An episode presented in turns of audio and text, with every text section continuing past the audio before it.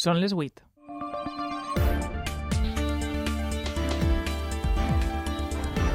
Les notícies de la nit, amb Sara Garcia i Chelo Vicente. Hola, com estan?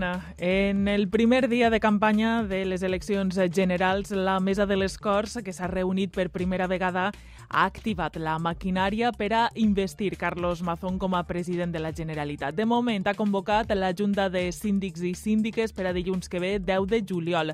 La presidenta de la cambra, Llanos Massó, ha confirmat la voluntat de situar el debat d'investidura en la data proposada per Mazón, que és el pròxim dijous 13 de juliol. Una decisió que depèn ara de l'acord de la Junta de Síndics. El bloc progressista ha mostrat disposició, ha celebrat aquest debat en els terminis proposats que vol situar la investidura dijous i la proclamació dilluns, 17 de juliol. Però hi ha més notícies rellevants avui divendres, 7 de juliol, que repassem amb Chelo Vicente. En el control tècnic està Elena Herrera. Una peritonitis maltractada deixa un jove tetrapègic. Una família de Xers demana ajuda perquè el fill de 31 anys puga rebre el tractament que necessita. El jove viu tancat a casa nugat a un respirador, sense cap tractament de rehabilitació ni ajuda psicològica. Salvador García es pare de Carlos. Que lo deriva a un hospital donde le den la rehabilitación y los servicios que él necesita. Que se cura, bien. Que se empieza a mover, vale. Que mueve un brazo, pues mira, hemos ganado un brazo. Es lo que pedimos. Les VTC passen a l'acció jurídica. Un informe encarregat a dos experts conclou que sí que poden treballar legalment en el servei urbà de la Comunitat Valenciana. Per això demanaran al nou Consell que apliqui la normativa de la Comunitat de Madrid. Des del taxi responen que és tot una cortina de fum.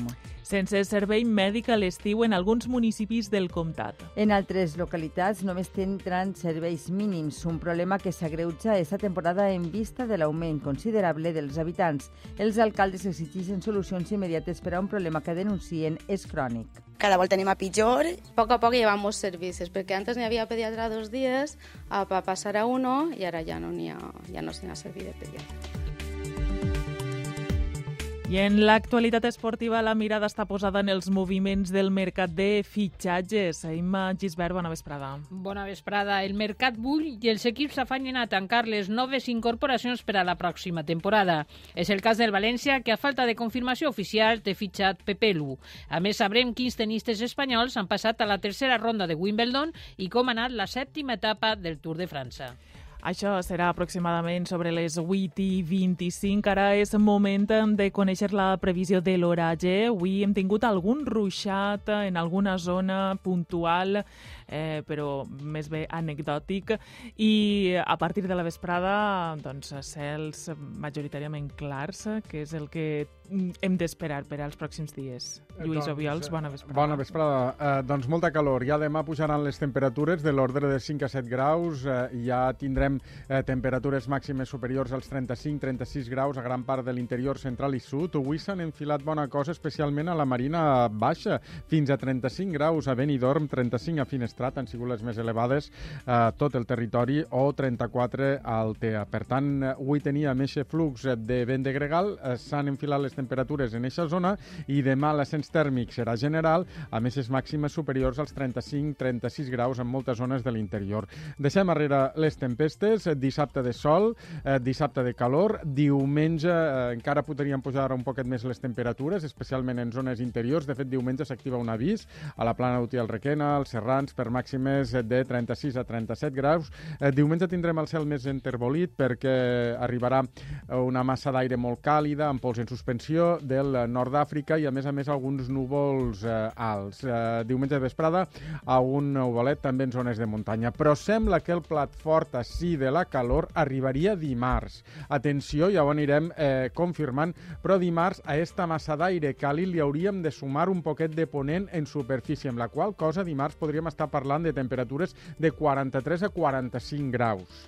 Wow. Sí, eh, hem d'anar seguint aquesta situació perquè sembla que ens venen uns dies de molta calor. Ja demà notarem aquest ascens de la temperatura, bàsicament amb, amb sol, algun nuvolet baix a la costa, però poca cosa més. Doncs moltes gràcies, Lluís, A per avisar-nos. Adéu.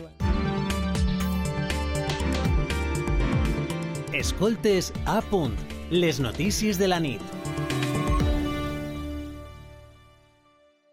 Els dies 7 i 8 de juliol tornen les bandes de música a la plaça de Bous de València.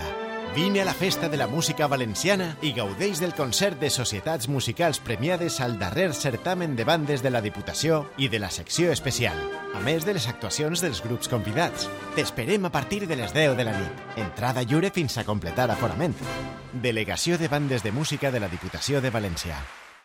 Fofito presenta en Valencia Viva el Circo. El circo de toda la vida conducido por Fofito y Mónica Aragón que te harán recordar y cantar las canciones de tu infancia. Además, trapecistas, intrépidos acróbatas, malabaristas, payasos, todos te harán vivir una experiencia familiar única y divertida. Del 7 de julio al 27 de agosto en el Puerto La Marina. Entradas desde 10 euros en vivaelcirco.com. Pedro Sánchez. Les notícies del matí. Les notícies del migdia. Les notícies de la nit. En la ràdio de punt et contem tot el que passa i tot el que t'importa. Amb rigor, amb immediatesa, amb pluralisme. A les reaccions? Totes les veus, tots els accents, tota l'actualitat.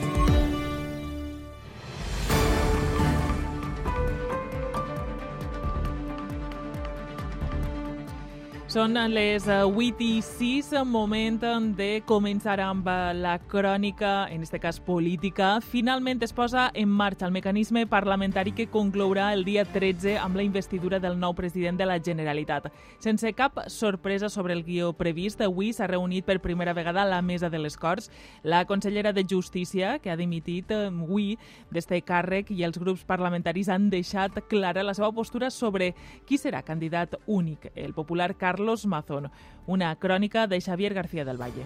Primera reunió de la Mesa de les Corts de l'onzena legislatura, tal i com volia el PP, la presidenta Llanos Massó ha confirmat que es convoca per a dilluns la Junta de Síndics que fixarà la investidura de Carlos Mazón. Hombre, en principio la voluntad es que fuera el día 13, o sea, cuanto antes, pero falta que se ratifique por la Junta de Síndicos. Ajustada també al guió que havia anunciat, la vicepresidenta segona Gabriela Bravo ha dimitit tu mateix com a consellera de Justícia. Se'n va preocupada, ha dit, pel futur de les àrees que gestionava. Estoy muy preocupada por el no solo por el futuro de los proyectos, sino por el futuro de los derechos de las mujeres. Per a tancar tot el previst en el reglament i com va fer ahir amb el PP, la presidenta Massó ha rebut els grups per a les consultes pertinents sobre el candidat a la investidura. Mazón en serà l'únic sense el suport de l'esquerra, tal i com han deixat clar la síndica socialista Rebeca Torró i Joan Baldoví per compromís. Sobretot perquè per a nosaltres no té cap tipus de credibilitat aquesta candidatura perquè està substanciada en uh, un pacte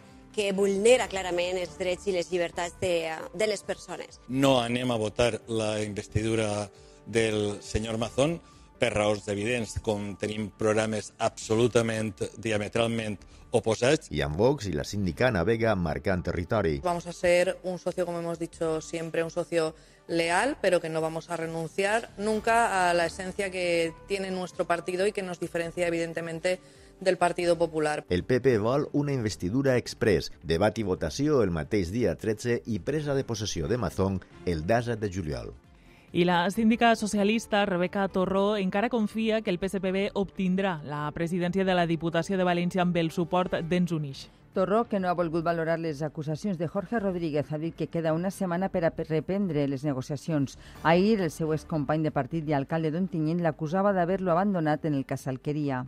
No, no vaig a fer cap tipus de valoració de la roda de premsa d'ahir perquè està dintre del marc de la pròpia negociació de la Diputació de València. No em compet a mi valorar-ho i jo espero que el trellat, el trellat eh, impere i que el pròxim president de la Diputació de València siga un president socialista.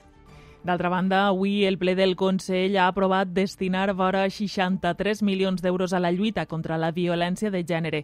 El govern en funcions vol enfortir els serveis d'atenció social, econòmica i jurídica que els centres dona ofereixen a dones víctimes de la violència masclista i als seus fills i filles. La portaveu del Consell en funcions, Aitana Massa, ha assenyalat que es tracta de garantir la continuïtat d'allò que ja s'està fent. Existeix un tipus de maltractament que es pateix precisament eh, per ser dona, eh, que eh, per tant hem de protegir i en definitiva aquests centres estan al servei de les víctimes, del veïnat, de l'entorn afectiu, familiar, les amistats o qualsevol persona. L'associació memorialista de Sucaina ha presentat una denúncia per un intent de sabotatge en un acte que el col·lectiu va organitzar diumenge passat. Es tractava de la celebració del segon homenatge al combatent republicà Sucaina al Millars. Denuncien que els van bloquejar l'entrada a la masia amb cinc pins de grans dimensions. A més, denuncien també que van intentar descarregar un camió de purins sobre ells. Tot i això, la celebració es va desenvolupar sense cap incident. Ernesto Rodrigo és el president de l'Associació Memorialista de Sucaina. Consideramos que es muy grave no solo por el contenido de, odio hacia el acto que íbamos a realizar, sino por la negligencia y irresponsabilidad porque podía haber ocurrido cualquier tipo de incidente de necesitar eh, atención médica o cualquier tipo de urgencia y no podríamos haber salido. Eleccions Generals 2023.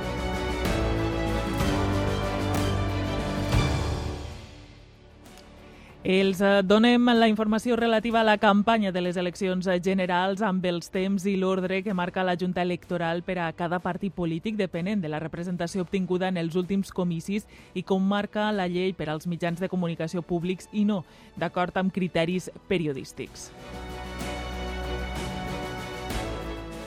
Avant és el lema amb què el PSOE demana la reelecció de Pedro Sánchez que ha defensat a Madrid el seu programa electoral. Lorena Diego. Amb la potenciació de la figura econòmica, el Partit Socialista té aquestes prioritats. De lograr un gran acuerdo social por el pleno empleo. I col·locar la transició verda en el punt central d'acció. Una ley que involucre a los vecinos y vecinas, a los municipios, a la hora de elegir la localización de los parques fotovoltaicos. També mesures en matèria educativa i de transport. Establecer gratuidad de los estudios universitarios y de la formación profesional superior. Gratuidad total del transporte público urbano para niños y estudiantes. Ahir a València, Diana Morant apostava per subrayar les polítiques ja consolidades. Feijó ha llevado a nuestro país a retrocesos en el debate público de políticas consolidadas y nosotros no vamos a permitir el retroceso ni un milímetro. El candidat del Partit Popular a la presidència del govern, Alberto Núñez Feijóo, ha triat Sevilla per a participar en el primer acte de campanya i ha avançat part del programa electoral. Zaida Ruiz. Primer acte de campanya de Feijó a Sevilla on ha desgranat algunes de les 365 mesures del seu programa electoral. Rebajar el impuesto a la renta de las personas físicas a todas aquellas familias con rentas iguales o inferiores a 40.000 euros. Ahir, el candidat del PP per València, Esteban González Pons, obria la campanya amb un objectiu clar. Nosaltres anem a valencianitzar esta campanya electoral. Volem que València forme part de la majoria i no volem una València que se quede en l'oposició. Els populars valencians esperen culminar el canvi que va començar el passat 28 de maig a la comunitat valenciana i passar de les reivindicacions, diuen, a les solucions. Millora de drets socials i lluita contra les polítiques d'odi són eixos programàtics de Compromís Sumar. Vanessa Gregori. Compromís Sumar arranca la carrera cap a les eleccions generals amb l'objectiu de convertir-se en la veu de la ciutadania valenciana. Ho explica Àgueda Micó, que és cap de llista de Compromís Sumar al Congrés per València. Volem ser la veu d'aquelles persones que necessiten el suport de les institucions per a lluitar contra les polítiques de l'odi. I en clau estatal, la candidata de Sumar a la presidència del govern espanyol, Yolanda Díaz, té com a propòsit seguir millorant la vida de les persones i frenar el que considera el programa ocult del Partit Popular. Díaz demana el vot perquè Espanya tinga un govern progressista. Que se movilice para votar o 23 de xullo a favor de Sumar.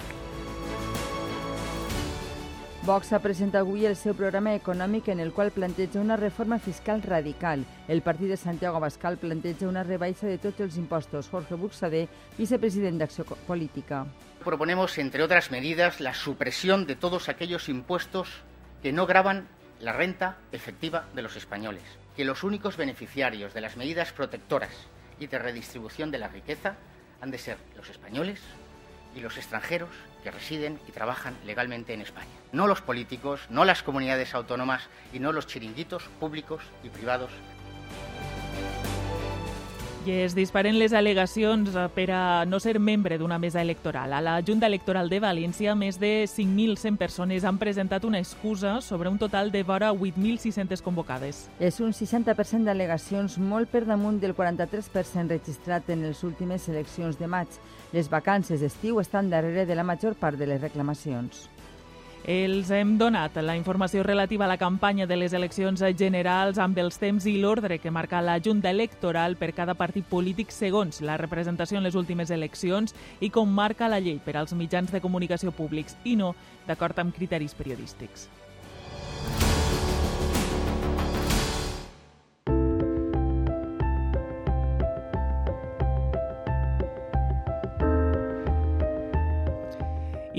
Més coses en les notícies de la nit. Una família de Chest demana ajuda perquè el fill de 31 anys puga rebre el tractament que necessita. Es va quedar tetraplègic per les complicacions derivades d'una peritonitis. Ara viu lligat a un respirador sense cap tractament de rehabilitació ni ajuda psicològica. Carmen Domingo ha parlat amb els seus pares, Susana Lozano i Salvador García. Carlos pateix una malaltia immunitària que mai li ha impedit fer una vida normal però dos peritonitis pràcticament seguides el van portar a una situació límit. De cuello para abajo, ni cabeza ni nada, no podía ni mover ni la cabeza, se queda totalmente tetrapléjico. Va estar 15 mesos a l'UCI de l'Hospital de Manises. Ara viu nugat a un respirador, vigilat les 24 hores pes pares. No podemos dejarlo porque Carlos le vienen mocos y eso y hay que aspirarlo. Mi hijo no tiene vida, pero nosotros tampoco. Si no lo pasas, no sabes lo que es. El cap li funciona, però el cos no li respon. Aquí diciéndole cosas, aquí... Claro, él hay muchos momentos que se hunde. No té ajuda psicològica ni la rehabilitació que necessita. Te lo deriva a un hospital donde le den la rehabilitación y los servicios que él necesita. Que se cura, Bien, que se empieza a mover, vale, que mueve un brazo, pues mira, hemos ganado un brazo. Carlos es comunica per gestos, amb lletres. No pot parlar, però el seu missatge ens arriba. Pues que se quiere curar. I sense metges durant tot l'estiu, així estan alguns xicotets municipis del comtat, mentre que d'altres només tenen serveis mínims. Un problema que s'agreuja esta temporada davant el considerable augment dels habitants. El veïnat s'ha de desplaçar a altres poblacions, però els alcaldes exigeixen solucions immediates per a un problema que denuncien es repeteix any rere any. Begoña Codina. Consultoris tancats tot l'estiu a Benillup, Alcocer i Almudaina o l'Orxa o Planes, per exemple. Els alcaldes dels municipis del comtat, integrats en el Centre de Salut de Muro, han emès un comunicat conjunt per a denunciar la situació. El veïnat també assegura que està fart. Cada volta anem a pitjor. Poc a poc llevamos servicis, perquè antes n'hi havia pediatra dos dies, a passar a uno, i ara ja no ha, ja no se n'ha servit de pediatra. Tots reclamen solucions immediates. Javier Navarro, alcalde de Benillup, i Francisco Sellés, alcalde de Beniarres. Demanem que incentiven els metges de família per a que puguin vindre i donar servici i prestar servici a aquests municipis. N'hi ha que anar units, així no n'hi ha colors, així n'hi ha un problema que ens repercuteix a totes les poblacions. Diuen que si no arriba a aquesta solució, començaran a manifestar-se i centenars de persones s'han manifestat esta vesprada per a demanar la retirada de les vies del tren de la costa sud de la ciutat d'Alacant. Els assistents han protestat per la decisió d'Adif d'electrificar les vies del litoral mentre duren les obres de la variant de la Torre del Pla que connectarà la ciutat amb l'aeroport. Alacant, Francesc Manel Anton. La plataforma variant de la Torre del Platja ha convocat esta manifestació a favor de la retirada de les vies del tren de la façana litoral i per a demanar l'inici immediat de les obres de construcció de la variant interior de la línia Alacant-Múrcia. La plataforma ha fet una crida perquè s'implique tota la ciutat en esta reivindicació i ha obtingut el suport de tots els grups polítics de l'Ajuntament i de la Cambra de Comerç, Indústria i Navegació que ha donat el suport explícit als veïns. Els convocants no volen que s'electrifique la via de la costa mentre es fa la variant perquè pensen que això pot eternitzar l'ocupació del litoral per la via fèrrea. Consideren que el millor seria accelerar la construcció de la variant i alliberar la badia sud de la ciutat. Escoltem Paz Sotodoso, portaveu de la plataforma variant de la Torre del Playa, i Carlos Baño, president de la Cambra de Comerç d'Alacant. Para que el Ministerio de Transporte reconsidere la el proyecto de electrificación de las vías de la costa y para, y para agilizar eh, lo que es eh, la construcción de la fase 1 y 2 de la variante de Torrellano.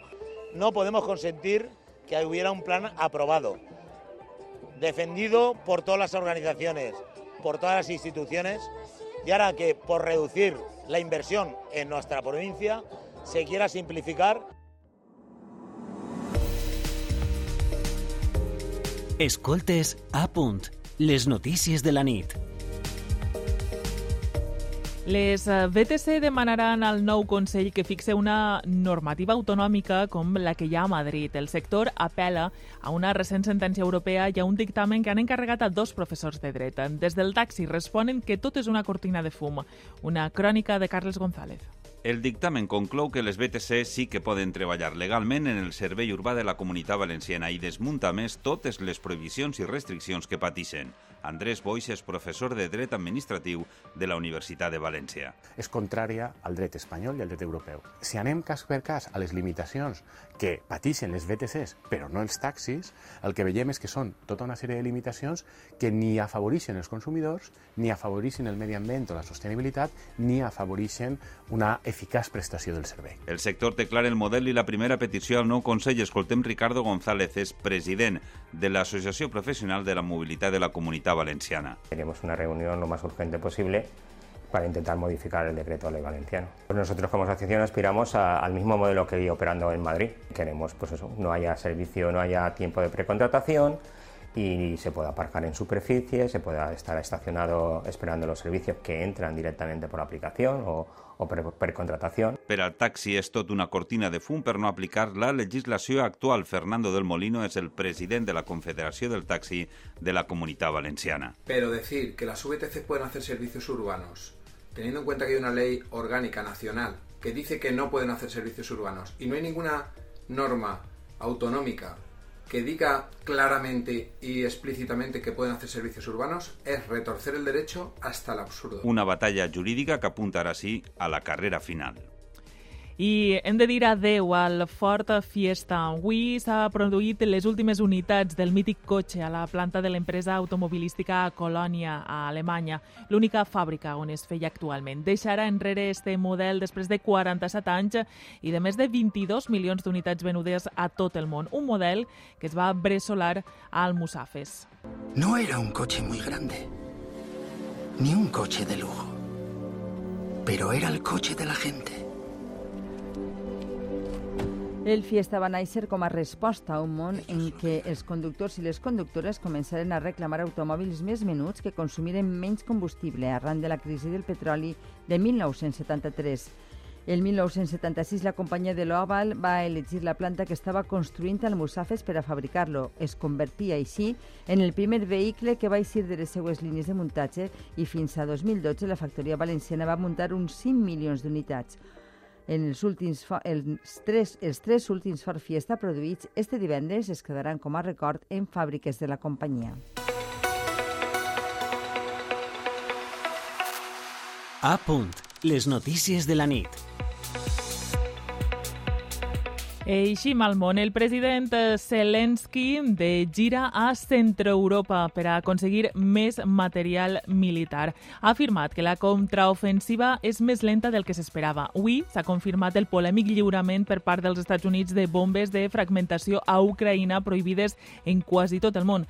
Rafa Saloma. Es tracta d'una munició que dispersa diverses bombes i que multiplica la càrrega explosiva provoca nombrosos danys inesperats, sobretot als civils, ja que no és tan precisa com altres i moltes no arriben a explotar. Estan prohibides en quasi tot el món. Rússia ja les ha fet servir en diverses ocasions. Zelensky assegura que necessiten més armes, sobretot defensives. L'exèrcit ucraïnès torna a demanar silenci. El silenci és or, diuen. En les últimes hores, Ucraïna ha reconquistat més d'un quilòmetre de terreny al sud de Bakhmut. El balanç definitiu del bombardeig a Lviv fa dos dies deixa ja 10 morts. I l'embarcació de rescat Open Arms ha recollit en les últimes 24 hores més de 300 persones migrants en aigües del Mediterrani i que havien eixit de Líbia dimecres. Es tracta d'un grup que anava en quatre barcasses amb gran quantitat de menors, dos dones embarassades i una xiqueta de 5 anys. Diumenge s'espera que arriben al port italià de Brindisi, on els han donat permís per a desembarcar.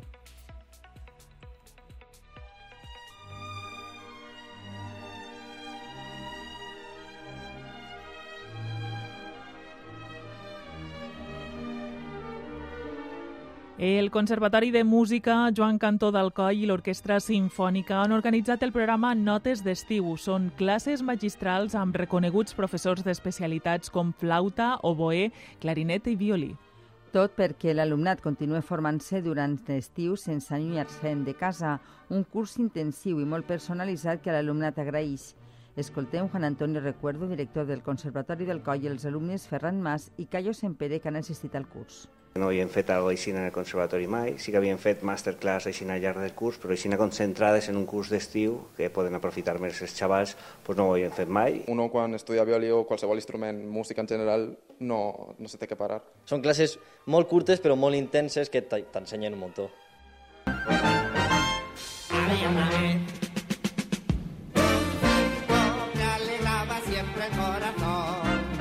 I canviem eh, totalment de registre i els contem que Fofito presenta a València Viva el Circo. El circ de tota la vida conduït per Fofito i Mònica Aragón, que et faran recordar les cançons de la infància. En l'espectacle actuen trapezistes i els increïbles homes d'or.